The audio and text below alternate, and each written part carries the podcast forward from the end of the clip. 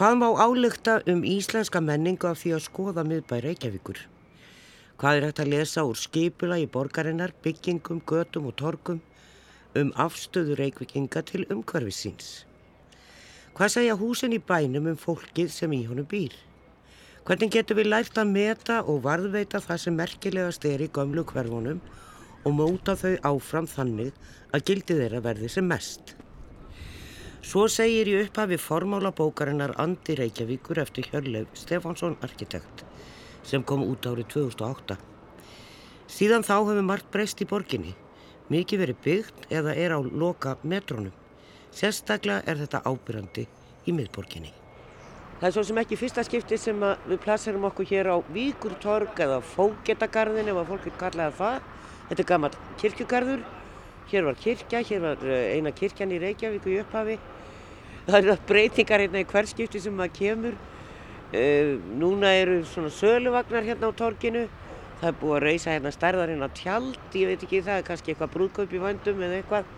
Og svo rýsa hér fyrir aftan þetta tjald innan girðingar svona gáma stæða skrifstof mm, ábyggilega og svona mataðstæða fyrir þá sem það eru að vinna.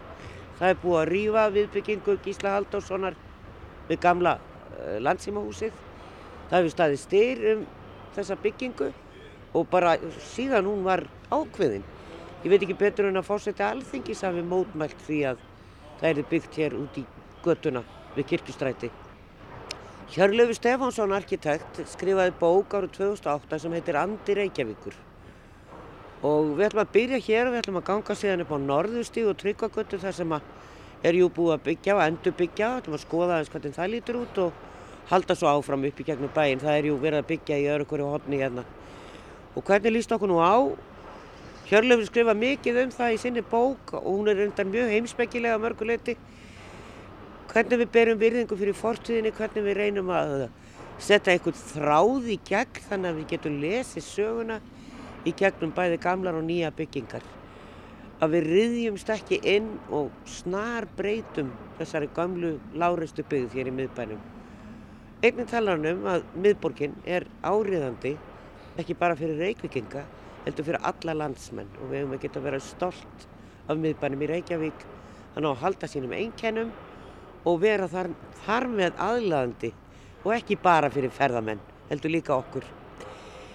Já, það er svolítið skrítið umhórsveitna núna. Það er náttúrulega það er risastóra hús sem er hér, eh, fjallakötturinn sem er, eða, og það er byggingar sem eru endurbyggingar og gömul hús hér við kirkjustrætið og svo er náttúrulega þessi gamli kirkjugarður þar sem fólk eh, hefur nú og heiðusborgar að reykja ykkur meðal annars mótmælt því að hér sé allur upp upp en það er ekki í fyrsta sinn?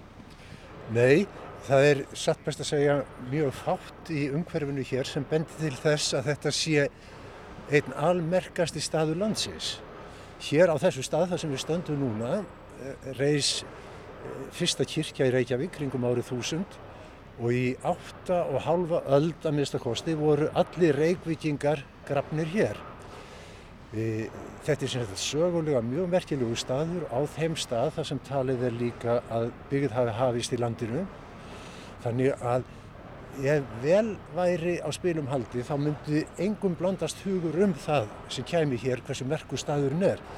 En það er öðru nær, það er ekkert sem að segir eða ber þessari sögu vittni eða sára sára lítið. E, sko þessi hér það sem við stöndum nákvæmlega núna stóð kirkja Reykvíkinga alveg til loka átjándu aldar. Ég held að hún hafi verið rifin um 1797 þegar að Dómkirkjan eh, sem nú er var reist. Hún átti upphæflega að standa hérna og það átti að byggja hana í raun og veru utanum gamlu kirkjuna sem síðan við rifin. En af því að hér hefðu bólusóttar eh, sjúklinga verið grafnir þá var þetta nú ekki gert En þessi kirkjugarður sem við stöndum í núna, hann var talinn fullgrafinn í byrjun 19. Eh, aldar. Og þá var ákveðið að stækka hann svo litið til austurs. Það er í raun og veru á þeim hlutagarsins, eða í þeim hlutagarsins sem nú er ætlunum að reysa hótelbyggingu.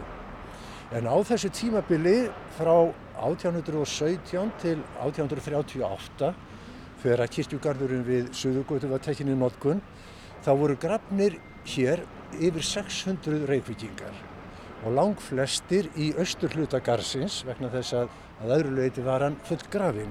Og nú á sem sagt að rifja þessu öllu saman í burtu fyrir hótelbyggingu, stað, kirkjugarði sem ætti að vera einn helgasti staður borgarinnar og sá sem að eiginlega væri þrungnastur sögu og minningum um, um sögu reykvikinga frá upphafi. Þetta er í raun og veru algjör barbarismi.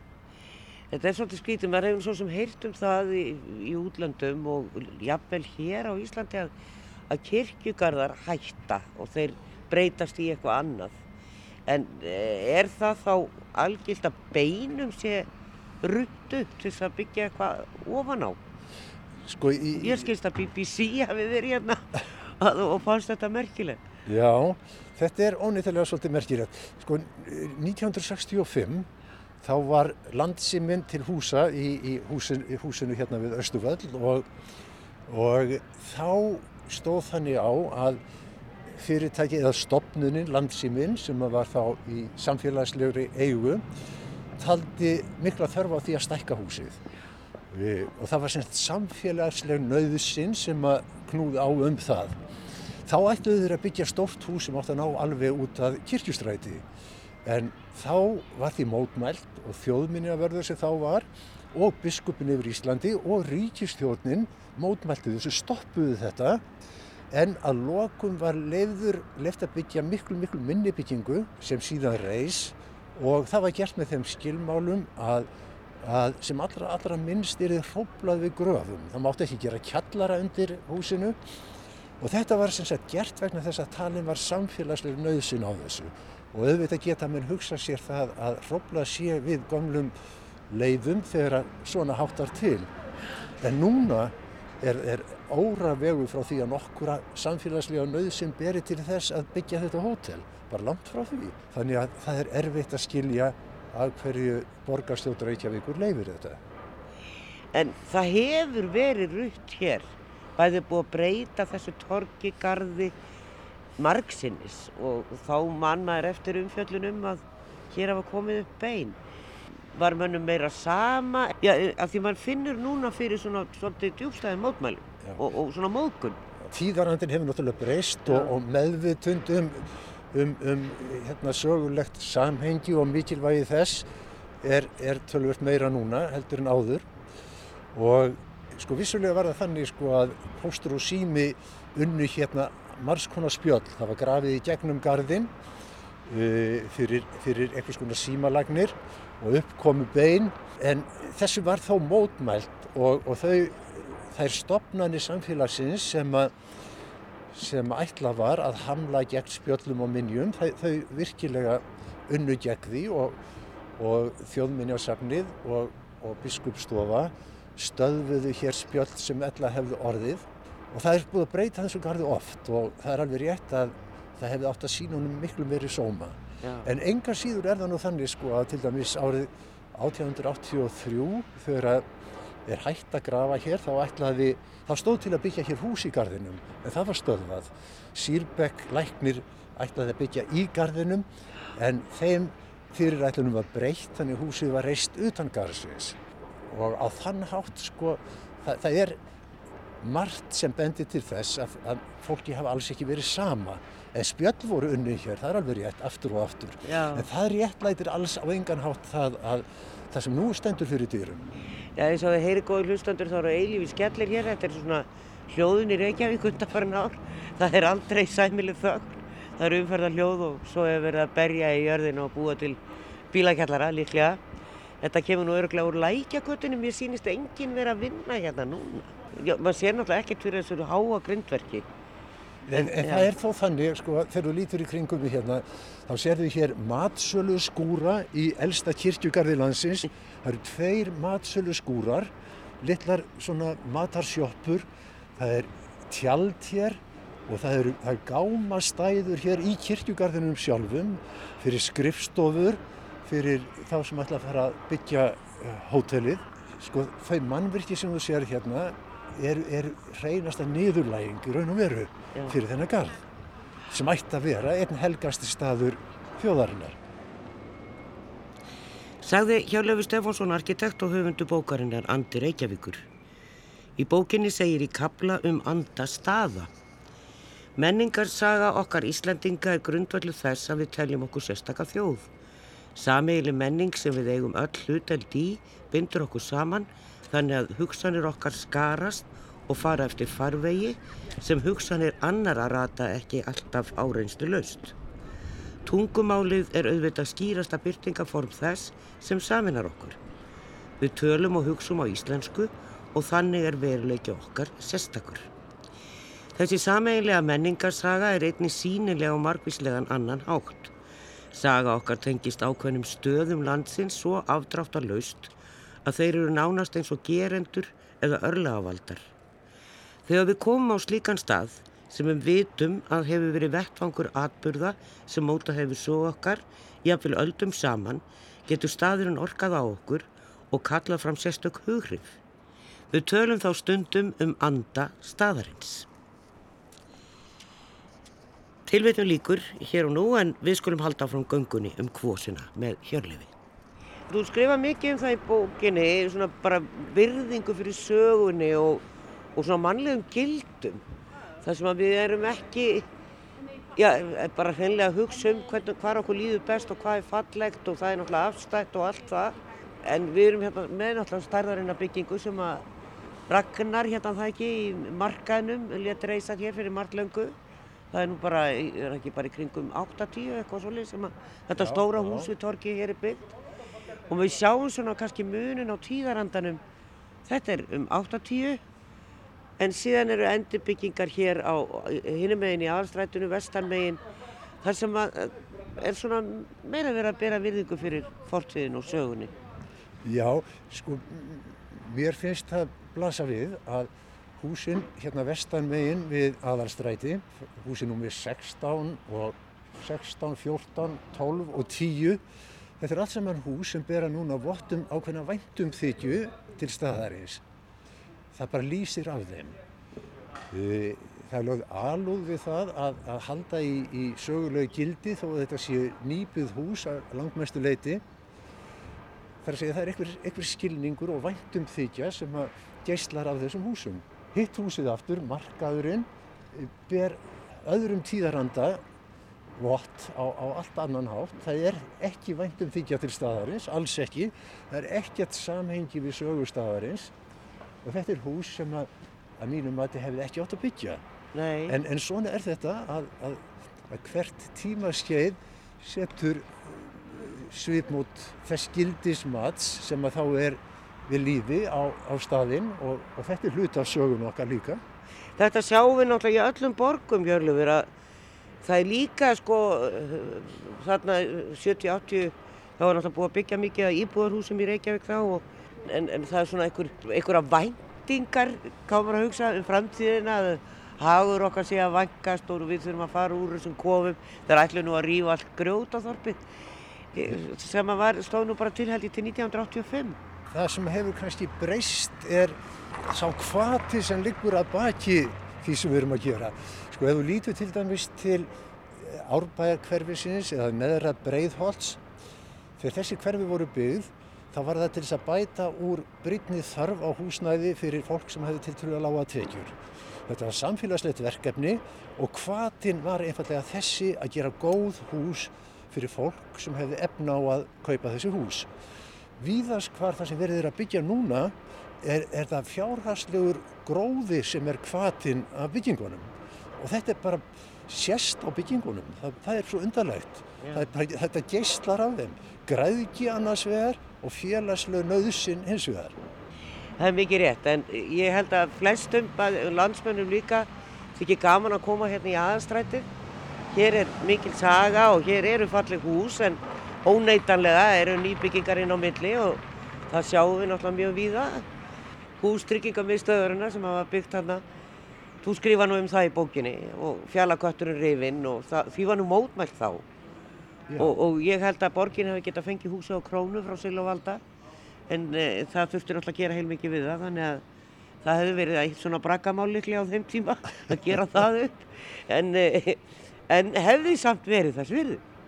Fjallakötturinn var náttúrulega alveg einstakt hús þetta var svona byggingarsögulegt ævintýri. Þetta var hús sem var byggt á, á allöngum tíma, viðbygging við viðbyggingu, kringum innri garð og svo var framlið húsins mótuð í nýklassiskum stíl og var svolítið glæsileg. En auðvitað var húsið sko orðið afskaplega hrörlegt þegar það var rifið. En, en hérna við aðalstræti svo höfum við líka sko morgunbladshúsi sem að er, er byggt eftir skipulagshugmynd sem að sem, sem mótaði bæin á þessum tíma. Þá átt að byggja hér samfælda raðbyggð svipaðra húsa. Og þetta er náttúrulega líka hluti af menningarsögu okkar hvernig, hvernig bærin hefur, borgin hefur þróast. Sko þú ert, ég náðu nú ekki að lesa þann kapla en, en þú getur kannski sagt okkur frá því, þú segir hvað þetta er ráða. Þegar við sjáum að hérna gödumyndin er fín hérna svona að tíu þá tekur þetta hús við sem við vorum að tala um og svo mokkinn og svo er hótelbygging og, og síðan tekur við aftur gamalt hús. Er þetta eitthvað við rýfum þetta ekki? Það er bara einhvern veginn ekki inn í myndinu það er afar, afar ólíklegt. Sko ég, ég fjalla svo litið eh, í bókinu um fegurðar hugtæki og hvernig það hefur þróast hvernig menn hafa litið fegurðuna mismunandi augum eftir sem árin og, og aldirnir hafa liðið og hvernig móternismin einhvern veginn gjör breytti hugmyndum manna um, um fegurði byggingalist og hvernig mót, móternismin gekk sér svo í raun og veru til húðar og hvernig menn hafa verið að deila um það hvað sé fallegt og hvað sé ekki fallegt á einhvern veginn fullkomlega gagslösan hátt. Það verður ekki leitt til neins. Og ég vísa svo til þess að það sé möguleiki að skoða byggingalist eh, út frá eiginlega siðferðilegu sjónamiði á sama hátt og ég nefndi áðan sko að þessi hús hérna við, við suðurenda uh, aðalstrætis að vestanverðu hvernig þau, hvernig geyslar af þeim einhvers konar væntum þykja til staðarins og til, til sögulegs samhengis. Ég, það Sko sum hús, það er, að benda á hús sem eru rausnarlegi umhverfi sínu og það er hægt að benda á önnur hús sem eru nánasarleg í, í umhverfi sínu. Ég held að það geti sko verið gaglegt að íhuga þetta að sko það eru, það eru hús sem að einhvern veginn uh, styrkja umhverfi sitt og eru uh, leggja eitthvað að mörgum meðan önnur eru eins og aðskota hlutir nánasarlega gerð af yngri laungun til þess að fegra eða, eða gera betra. Það, er, það eru ímis svona ráð sem ég held að sé allt í lagi að beita þegar við erum að velta fyrir okkur hvað sé góð og hvað sé vond byggingalist. Þetta er alltaf, alltaf svo pólitíst allt saman og, og, og það eru yfirvöld sem á endanum segja já eða nei og uh, þannig að það verður vantar fagaðila til eru inn í, í stjórnkerfið bara hreinlega. Það er náttúrulega skipulagseyðuvöld eru náttúrulega með, með mentað fólk í, í, byggingalist og, eh, en, en pólitíkin er það náttúrulega ekkert endilega. Já, þetta er rétt. Nú er það náttúrulega þannig að, að borgarstjórn á hverjum tíma henn er ætlað og aða hlutverkanar er náttúrulega að gæta hags almennings í mótum borgarinnar en aftur og aftur sér maður það að, að hagur almennings er raun og verið fyrir borðbórin samanbyrð þetta atriði sem ég var að nefna þarna með hótelið við Kirkjustræti. Þar er, er hagur húsbyggjandans eigandans. Hann er settur framar þessum samfélagslegu sjónamiðum um, um gildi staðarins og mikilvægi staðarins fyrir menning okkar. Uh, og þá veldur maður fyrir sér hvað í ósköpunum veldur þessu, af hverju gerist þetta aftur og aftur.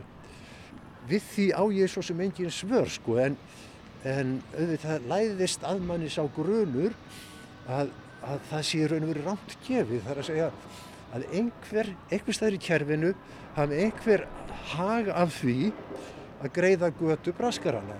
Fyrir tíu árið síðan þá var gerð svolítið tilraun á vegum borgarstjórnar þá uh, til þess að móta leið út úr svona ógöngum til þess að tryggja það að uh, samfélagslegur samfélagslega sjónamið myndi ráða ákverðunum uh, í skipulags- og byggingamálum í miðbænum þá var mótuð tillega um það hvernig mætti gera það og tryggja að svona leið gerðist ekki. Þeirri tillugu var síðan hafnað aðalega af, að ég held ennbættismennum borgarinnar með þeim rökum að með þessu mótu væri verið að sína þeim vantraust. Við grípum aftur niður í bókina.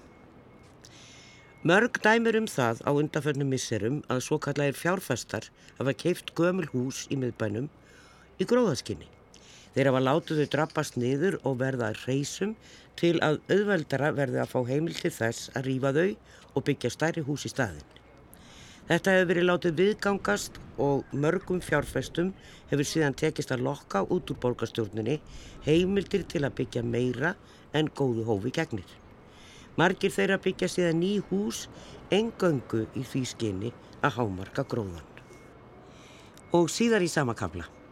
Í upphaf þessa kabla var spurt hvort andi staðarinn sé einn og óbreyttur og hvort við getum haft áhrif á hann til góðs eða íls. Svarið er einfallega að andin býr að verlu leiti með okkur sjálfum. Við getum ræktaðan og bættan.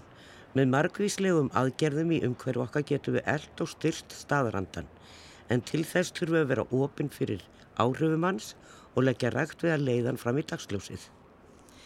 Það ætti að vera regla án undantekningar þegar fjallaður um framtíð byggðar í miðbænum að menn skoði og íhugi anda staðarins.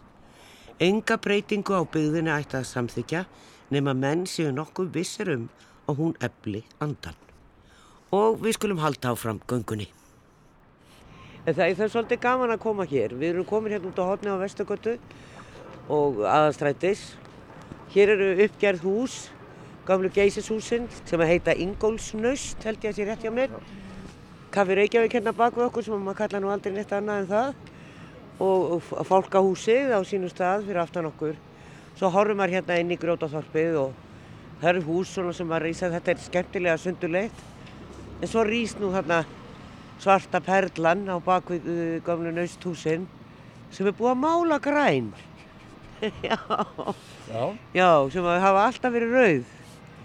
Ég, mér bara bráð þegar ég sá þetta um daginn. Þau eru alltaf náttúrulega græni, það er eitthvað að vera að vinna í þeim allavega. Þannig að þetta er nú svolítið skemmtilegu staður hérna. Já, já, vissulega er það. Já. Já. Góðsinn. Já. Þetta er svona eitthvað sem maður verður bara passa verulega vel upp á. Já, þetta er, þetta er mjög merkileg hús og merkilegu staður og, og hérna er náttúrulega þessi frægi nullpunktur Reykjavíkur þaðan sem að all hús fá götu númerinn sín frá.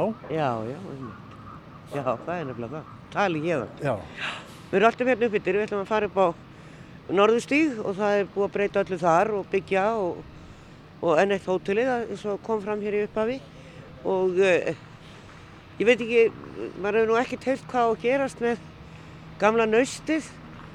Það er, eins og ég segi, það er búið að mála það grænt, það ekki svart og það lítur bara, húsin líta vel út. En uh, það verður ekkert verið þarna í fleiri, fleiri, fleiri ár. Já. Þannig að það er, finnst manni svolítið skrítið. Já, vissilega. Já. Húsið hefur staðið aukt lengi. Já. Það eru nýbyggingar hérna inn á milli en, það verður að byggja. Og, og, og við erum svona að sjá það í Reykjavík að því að í síðasta búmi sem er nú svona í gangi nánast þegar þú gefur út þína bók eða svona rétt um það byrja að ljúka þá var ekkert byggt í miðbænum. Það var lítið byggt í miðbænum Já. mjög lítið. En sko þegar þessi bók mín um Anda Reykjavíkur kom út, uh, það var um sumarið 2008, þá voru aðeins örfáðir mánuður í hrunið. Í þeirri bók þá fjallaði ég svo litið um byggingarnar í borgartúni sem þá voru að rýsa og, og sumar nýristnar, aðrar í byggingu. Ég dróð það fram sem sýnishotn um byggingar sem eh, hefðu afar lítið umhverfslegt gildi og, og tækju sára lítið mið af sögustadarins og eh, táknmál þeirra væri alþjóðlegt og, og þessar byggingar sumar gætu staði nánast hvar sem er í heiminum. Þetta var á þeim tíma þegar að stjórnendur fjármálafyrirtækja töluðu af, af nokkru stolti um það að nú væri enska að verða þeirra tungumál. Afstafan var svo að, að þá langaði til þess að vera með í hinnum stóra fjármála heimi þar sem enska væri töluð. Byggingarnar þeirra báru þess vott líka. Það er náttúrulega, sko það er ekkert spennandi að skoða gráa eða svarta kassa. Maður sækist ekki eftir því, Nei, enga en, en sjáðu til, Nú sjáum við hérna aftan á þetta, við erum komin hérna aðeins upp vesturgötuna. á þessu stóra hóteli sem að snýr út á Tryggagötu og er byggt hér alveg inn í lóðuna. hérna þar sem við horfum inn á milli húsa við Vestugötu stóð áður Grendalshúsið sem að síðan var fluttnir í Grjótaþorp til þess að víkja fyrir þessari byggingu Já. sem aldrei skildi verið hafa. Síðan var hérna skúrun hans Birgis Andresson á myndlistamanns. Alveg rétt. Hann var þarna við hliðin á var. Gröndals og hérna, hann þurfti náttúrulega að víkja líka. Já, Það er sko að því maður hefur ekki átt erindi hérna, ekki komið hérna lengi. Það eru mikla breytingar hér. og heldur betur. Það er hérna bakarinn sem við getum gjóað honni en það er verið að vinna í hér múra trapputar þannig að við komumst ekki þar. Við komum hér á hotni á Norðustíg og hér er nýtt hús en það var bara bílaplan hér. En á bílaplaninu stóð líka lítið leikhús sem að Vesturport tók göngu sína hér á þessu hotni og svona í nútíma sögu, það er aldrei frækt leikhús. Og hér er nú gammalt hús hérna á hotninu nokkuð gammalt og svona gamli svipurinn hérna niður vestamegin af sínum sundurleitu húsum byggð á sikkurum tímanum og skringilega svalir og svona sem koma út. En þetta eru splunkunnitt hótel hér og, og er náttúrulega í kvarfi sjálfu sér. Það er nú svo sem ekki að geta mikið götumyndin þetta hótel Nei, nei. nema hér á norðustegnum Já, já, en sko þetta, e, þessar byggingar hérna bera þess keim sem að svo margar aðrar gera núna í miðbænum að sko menn hafa núna í setni árin verið að reyna að halda í margbreytileikan sem gamla byggðin hefur í nýjum byggingum en svo er búið að sameina lóðir, margar lóðir í eina stóra en byggingarnar eru mótaðar og, og látna að líta út eins og þetta séu enn margar lóðir. Það er að segja að sko yfirbræðið ber vottum eitthvað, eitthvað margbreytileika en innihaldið er það ekki. Nei. Þannig að þetta er eh, svolítið skrítin stefna. Að mínum vati þá hefði Reykjavíkuborg miklu frekar átt að bara halda í það að lóðirnar væru margar og að starfseminn væri það margbreytilegri heldur en nú er í samræmi við það. Það er að segja á hverri lóð væri hús sem hefði sína starfsemi. Þetta er að gerast allstaðar núna. Og þetta er eh, að einhverju leiti, það má kalla þetta svolítið óheiðarleika að því leitinu til að húsin gefa eitthvað í skín sem ekki er fyrir hendi. En, en þetta er allt saman réttlætt með því að rekstra reyningarnar þurfa að vera svona stórar þetta sé hagkvæmara. En það er nú eitt skemmtilegt við þessa endurbyggingu hér og nýbyggingar að það er búið að endurbyggja hérna hotnúsi á Norðustíg og, og hvað, erum við ekki komið þá niður í geiskötu? Það heita svo mörgum nöfnum þarna, götuna niður við sjóin að maður veit aldrei hvort maður er í tryggvagötu eða geiskötu eða, eða hvað. En hérna er sem sagt gamla byggðin alveg vestamegin og hægt að fara hér í sund og það er gömul hús hérna inn í portinu, við ætlum um þetta líta í heimsokk þar.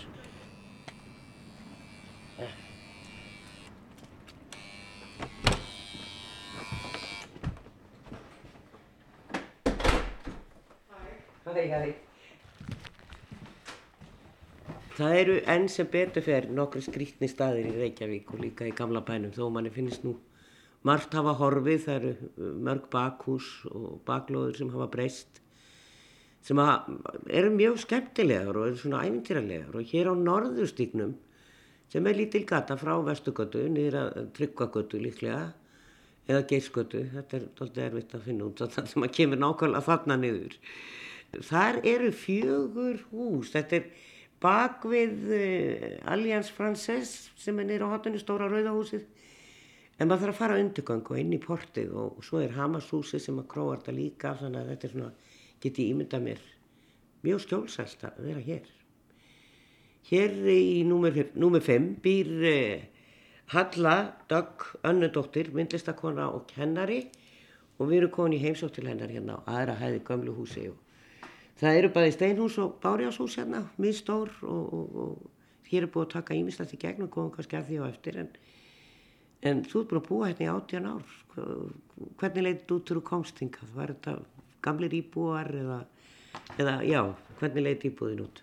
Já, uppháflega voru þetta tvær íbúðir þegar við kaupum þetta og hér bjóðu engin. Hér hafði eigandin bara tekið íbúðuna, íbúðirnar uppi og skipt á bíl og þessum íbúð. Já. Þegar við kaupum 2000. Já. Það má hafa verið góðu bíl. já, mann finnst það í dag. Já, já, já. já. En þetta er sérst á tveimur hæðum og það eru söfniherbyggja og annað uppi. Við erum hérna inn í svona áknu eldúsi sem að náttúrulega var ekki í svona gömlum húsum þannig að þeir eru búin að taka niður veggi hérna. Já, já. Við erum svona hægt og rólega búin að, að hérna, breyta smá saman, já. opna meira. Mm -hmm. Og skiptum uh, um golfjallir og, og, og, opnað hérna strámpin, hann er sínilegur. Já. En uh, hvað var þetta þess að þið komið hér? Af því að þetta er eins og ég segi, þetta, maður, maður á ekki í göngutúr hérna, maður fer ekki þetta í gegn. Nei, sko ég hafði sjálf aldrei komið hingað fyrir en hérna ég sá þetta auðlist, þá kom ég bara hérna í fyrsta skipti og þó bjóð ég ekki langt frá því ég var að koma á grótaþorpinu. En þrátt fyrir það, þá hafði ég aldrei tekið eftir þessu porti og aldrei komið þetta inn.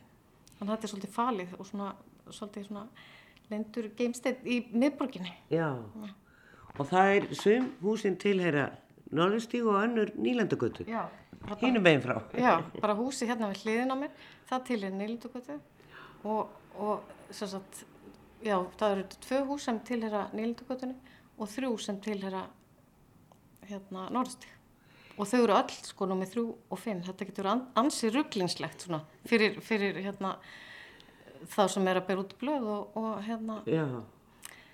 eða, já, ekki blöð post, já, já, já, já eitthvað, jú, jú, blöð líka, það koma náttúrulega blöð.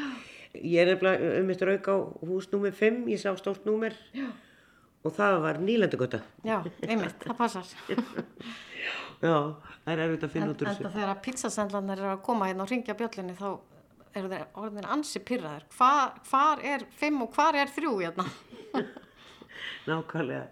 En urðu þið ástfangin af þessu þegar þið komið hingað? Hvernig, hvernig var þetta mála eignast þetta eða voru þið vafa úr grjótaþorpinu þar? Vilja nú margi búa? Já, ég, ég var reyndar að leia í grjótaþorpinu og bara var tilbúin að kaupa og við, að stækka við okkur. Við sko vorum og erum, eigum fimm börn, vorum þá með fjögur börn á þeim tíma þannig að það kom ekki til greina að kaupa nætt lítið. Nei. Við byggum í í kjallara, leiðum kjallara sem var ansi þröngur og, og hérna, við þurftum að stækka við okkur og þetta var bara frábær kostur fyrir okkur við reyðum við þetta og, og, og ódýrt Var það illa farið þegar þið komið hérna? E, nei, það var svo sem ekki bú, búið að gera mikið fyrir húsið. En við hefum ekki gert neitt við hefum ekki, eða sérst ekki tekið það auðan, við hefum bara málað. Og gluggarnir eru bara eins og þeir voru. Þetta eru upplöfnilegi gluggar hérna aftanverðu og nýleiri gluggar af framann sem að höfðu verið teknir nokkrum árum áður en við fluttum. En að öðru leiti var þetta allt upplöfnilegt Veistu eitthvað um húsið eða verið eitthvað að kanna það en nú margir sem að verða forvitnir þegar það er farin í gömul hús og reyna að leita uppi einhverja frásagnir Já sko það eru uh, við höfum hérna, verið að grúska í þessu og við höfum fundið tvær dagsetningar eða sérst ártöl á því hvernig þetta hús er byggt. Það er annars vegar 1898 og svo 1902. Þannig að við vitum ekki alveg, þetta, ekki, þetta hefur ekki verið skráð en við höfum sagt, fundið blada úr klippu, grein, úr alþjóðblæðinu frá 1936 saman minni uh, það sem að kemur fram á húsið brann. Og, og, hérna, og það er skemmtileg saga á bakvið það því það var sko rotta sem var valdur að íkveikinni Já, Já, og, og samkvæmt þeirri frétt þá brann húsið það illa að það hlýtur að hafa verið endurbyggt hérna 1936. já, já. Já, hérna kemur Halla með úrklippuna, bara innrammaða, voru alþjóðblæðinu 1936 og það er svona, var eitthvað útlistað þannig með hvernig róttunni tókst að kveiki í húsi. Já, það sagan er þannig að hér bjó gömul kona sem að, e, já, það var nefnilega ólíulampi. Þessi gamla kona er, er að flækjast um með ólíulampa og verður vör við hérna músina, e, bregður svo mikið að hún rekst í ólíulampan þannig að það verður íkveikja og kviknar í öllu húsinu. Það vil bara ekki betur til en svo. Nei, nei. Hér verð ég nú eiginlega að hafa orð á því að, að því að Halla sá illa á texta þá tegðu þessu upp í, í lampan yfir borstafuborðinu hér og þá sé ég að þetta eru allt saman stækkunaglir sem eru hengt í svona ring stórt einst og aðeins minna og svo minnst utan á þetta er eins og kristalsljósakróna en þetta eru stækkunaglir gaman á þessum en, en það myndist að kona sem býr hér og uh, ég var svona flettaður upp og þú hefur unni svolítið við vídeoverk Já, Eh, það reyndar orðið langt síðan. Það hérna, mætti kannski segja að ég var í myndlistamæður inn í skáp þessa dagana. Af Því ég er ekki mikið að vinna í minni myndlist Nei. í dag. Það vil nú vera þannig þegar fólk fer að kenna og svona þá, þá uh, svona hverfur þar sem að er ekki launatengt. Jú, jú, einmitt. En þú ert að kenna myndmennt þá eða hvað? Nei, Nei? ég er ekki að kenna myndnett núna. Ég er sérkennari. Já, já. En þú segir út með alveg fimm börn og, og, og, og, varst með þau í kjallari í leiguhúsnaði í Grjótaþorpi sem er svolítið gamaldags, fimm börn í Grjótaþorpi í leigukjallara og kemur svo hingað og, þá hafa nú eitthvað að börnunum þínu verið lítil þegar þau flytið hingað. Já, af, af vísu orðin, já, samt svolítið stór, elsti tí ára og yngsta, nei, ekki níu ára og, og fjögur ára. Já, Já, það er nú lítil börn. Þetta var allt heima hjá þér. já, já, já, já. en engin unga börn. Hvernig fannst krakkanum að koma hér inn á þessa æfintýra lóð sem er kannski ekki stórt leiksvæði en er þó? Þetta var mikið æfintýri þegar þú komið hérna og, og ég get sagt frá því að, að strákarnir tveir sem þá voru 8 og 9 ára, þeir fóru hérna nýra á Bryggju og, og stunduðu veðar. Þannig að þetta var hálkir sveit, fannst okkur á Já. þeim tíma. Það var svolítið svona mikið breytt landslag. Ég hafði orð á því að hér fyrir ofan er, var Vestuport með sitt litla leikhús í, í gamalli Vestmiðu, lítildi Vestmiðu. Svo var bara bílastæði og þetta var svona, já, svolítið óreiðu og húsið hérna eh, niður frá sem er búið að endur gera með turninum sem er svo fallegt. Það var, hafði brunnið og það var búið að aukstinga það, það var ekki fallegt og, og, og það svona hefur tekist mjög vel þetta hotn þetta niður frá líka þessi endurbygging á, á húsinu sem var óvart rifið og hérna en svo er náttúrulega svolítið mikið byggingamag komið hérna beint þegar maður kemur út úr portinu, hótelið sem að nær svona hringinu upp á Vesturgötu. Hvernig líst þér á þetta nýja, þessi nýju hús í kringu þig? Já, uh, svona misvel eins og þú segir. Það eru þessi, sko, þetta, þessi gömlu hús sem áttu náttúrulega varveita en voru rifin og, og endurbyggð í, í sömu mynd. Þau eru náttúrulega falleg og kannski bjarga þessu að einhverju hluta en ég er ekkit sérstaklega hrifin af, þessari nýbyggingu sem að blasi við þegar ég kem hérna út á göttuna á norðstígin. En það er baklóð þarna líka sem maður sér inn á, á, á gamla húsið og annað og sem að verður ábyggilega milligengt upp á já. En það, við komumst ekki þar af því að það hefur verið að múra tröppur og annað. Já. Þannig að við gátum ekki gengið þar inn. Og ég hugsa að það er eigi nú líka eftir að breyta svolítið, þá færum maður kannski svona sömu tilfinningu, þessa baklóða tilfinningu eins og að koma hér inn. Já, já, ég hlakka til og býð spennt eftir að sólinn byrtist næsta sumar og maður getur farið að stutta fara ha, Já. yfir Já. í eitt drikk.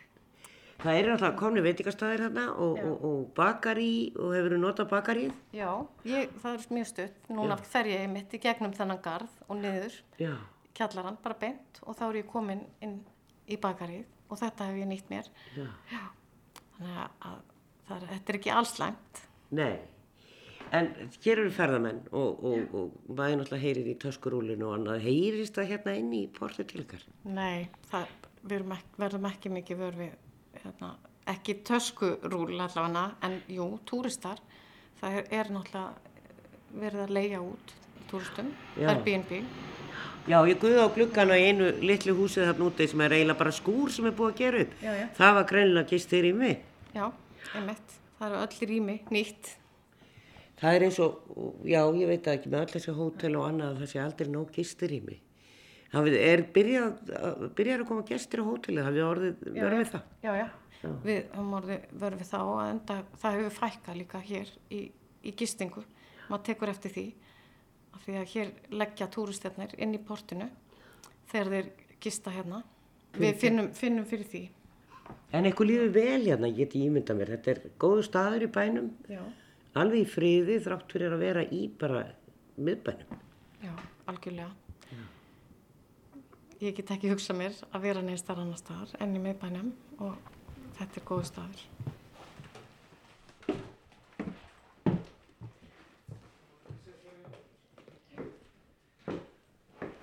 Við kveðjum Halludögg, annudóttur myndlistakonu og kennara og förum aftur út á Norðurstíg og hittum Hjörleif Stefánsson, arkitekt við Hornið.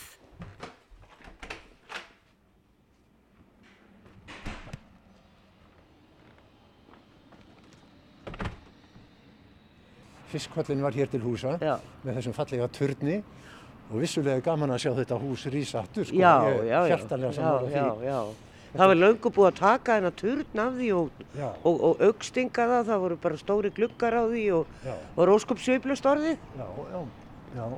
Hérna sjáum við aðeins inn í bakliði bak hlutaðan og það voru náttúrulega, svo kannski þeir sem átta sig ekki á því hvað norðurstígur er í Reykjavík að þá var hér hús sem við hefum nú eftir að ganga fram hjá í Tryggagötunni eða, já, eða Geirskuttunni er, eh, sem að var rifið óvart eins og maður segir. Þetta olli miklu neyksli því að einn morgunin þá var þetta hús sem þá var blátt, það var bara jafnað í jörðu. Og það var náttúrulega, menn fengu skammir fyrir og mögulega einhverja sektir því að þetta var fullkona ólulegt, þetta var friða hús. En það hefur verið endurbyggt, við sjáum það þegar við komum fyrir hodni en þetta er eh, skemmtilegt þegar menn gera þetta þó. Já, já. Mikið loskur. Já, já, Ég er hjartanlega sammála því. Það væri mikill sjónarsýftir á þessu húsi. já, við fengjum bara eina í kassan hérna honni Já.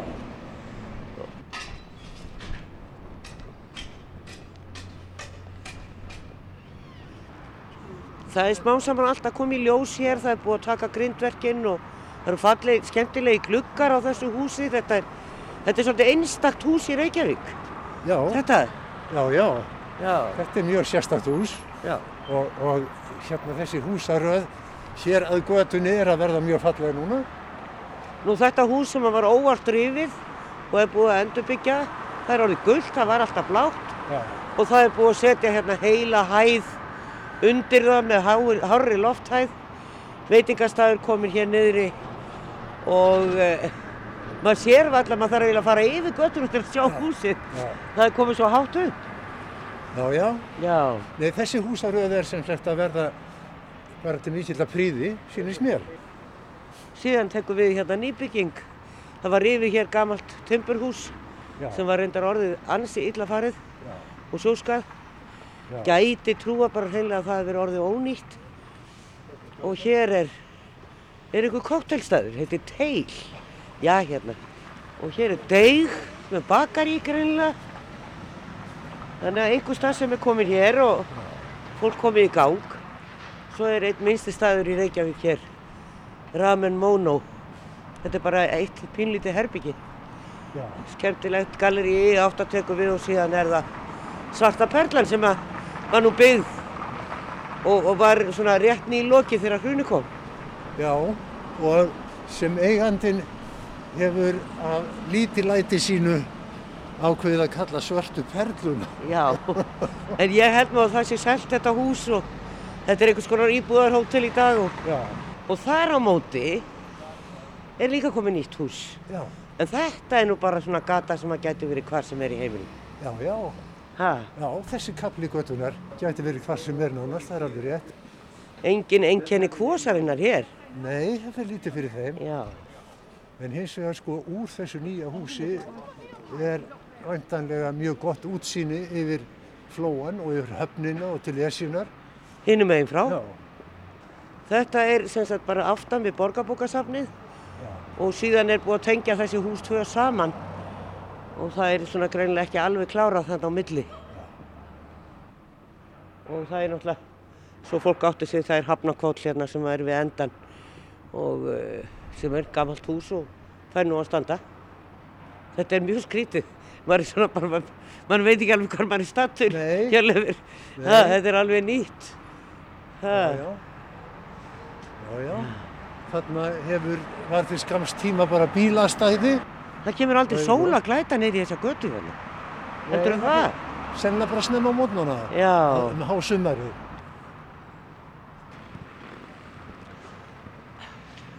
Við erum að koma hérna nýri í grófina sem er stuttgata frá Vestugötu og nýra höfn og þar við lítið torg eða hvað við maður kalla það er Simsenhúsi sem var í Hafnastræti niður komið núna fyrir nokkuð löngu síðan og stendur svona gengt Hafnarhúsinu þar sem að listasafn Reykjavíkur er til húsa.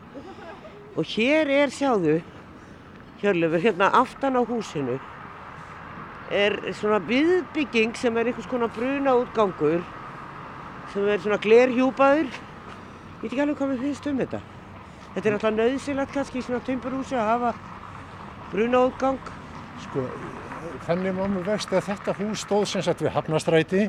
þar til fyrir nokkrum árum síðan þá var talið nöðsynlegt að rýfa það til þess að víkja fyrir þeirri byggingu sem að, þeim byggingu sem þar eru komna núna svo kalluðu Hafnartorki. Þetta er stort og glæsilegt timburhús sem var í þokkalega góðu ásikomulagi og niðurstaðan var svo svo að það erði flutt hinga þar sem var auðlóð. Minjavernd stóð fyrir þessu og til þess að gera húsið aðgengilegt allar hæðir þess nothæfar sem áður voru að hluta til vörugeimsla þá var byggður þessi, byggður þessi viðbygging með aðalstíganum sem að ger, veitir aðganga að tveimur hæðum og liftu myndið allra hæða. Það sem er átakanlegt við þetta fyrst og fremst finnst mér vera það að húsið skildi hafa verið flutt af sínum stað, það sem það bara átt að standa. Það Já, var engin þörf á því að, að, að flytja það nema fyrir þá sög eina að, að, að búa þar til byggingalóðir sem að hægt var að byggja meira á. Húsið hefði verið betur niðurkomið á sínum upprunulega stað en, en þetta var þó miklu heppilegra heldur en að láta húsið hverfa. Og hér er náttúrulega bak við húsið getur við sagt, ég veit ekki hvað maður ákvæm þetta er einn stamdegila forliðin sem Já. snýr svona í austur og uh, þar er, uh, það er búið að setja húsið á stóran kjallara og veitingastæður hann í kjallaranum og svona lítill lækur og brú og Þegar að þegar grafið var fyrir þessu húsi þá kom í ljós hérna uh, hafnarkantur frá, frá lokum uh, 19. aldar og það var ákveðið að láta hann verða sínilegan aftur. Það er í raun og veru það sem er hérna fyrir já, austan já, já, húsið. já, já, já. Gamli hafnarkanturinn sem er hérna frá ævagammalli tíð og, og hérna var sem sagt fjaran, fjörugrjótið var hérna uh, framan við húsið, rétt framan við geysishúsið. fyrir uppfyllingu og uh, það er greinilega Æsland Airwaves, það er alveg svona kallar á mann Já. hér úr hafnarhúsinu í gangi og hérna síðan eru byggingar hérna á veitingastæðir, grillhúsið og annað þetta eru, þetta eru nýleg hús en svona, já, kannski hafa enga sögu en ég var að velta fyrir mér af því að ég Hafnatorgið er stórt mál og, og þarf að taka alveg sérstaklega fyrir, þetta er alveg ótrúlega mikið eingripp í borgina. Það verðum kannski að alltaf hafnar strætið. Já, Þar er búið að byggja og gera upp og þá er kannski gaman að svona fara í gegnum það og geymum hafnatorgið í byli. já. Já, en það verður að býða þar til í næsta þætti en þá höldum við áframröldunum með Hjörlefi Stefánsinni arkitekt verið sæl að sinni.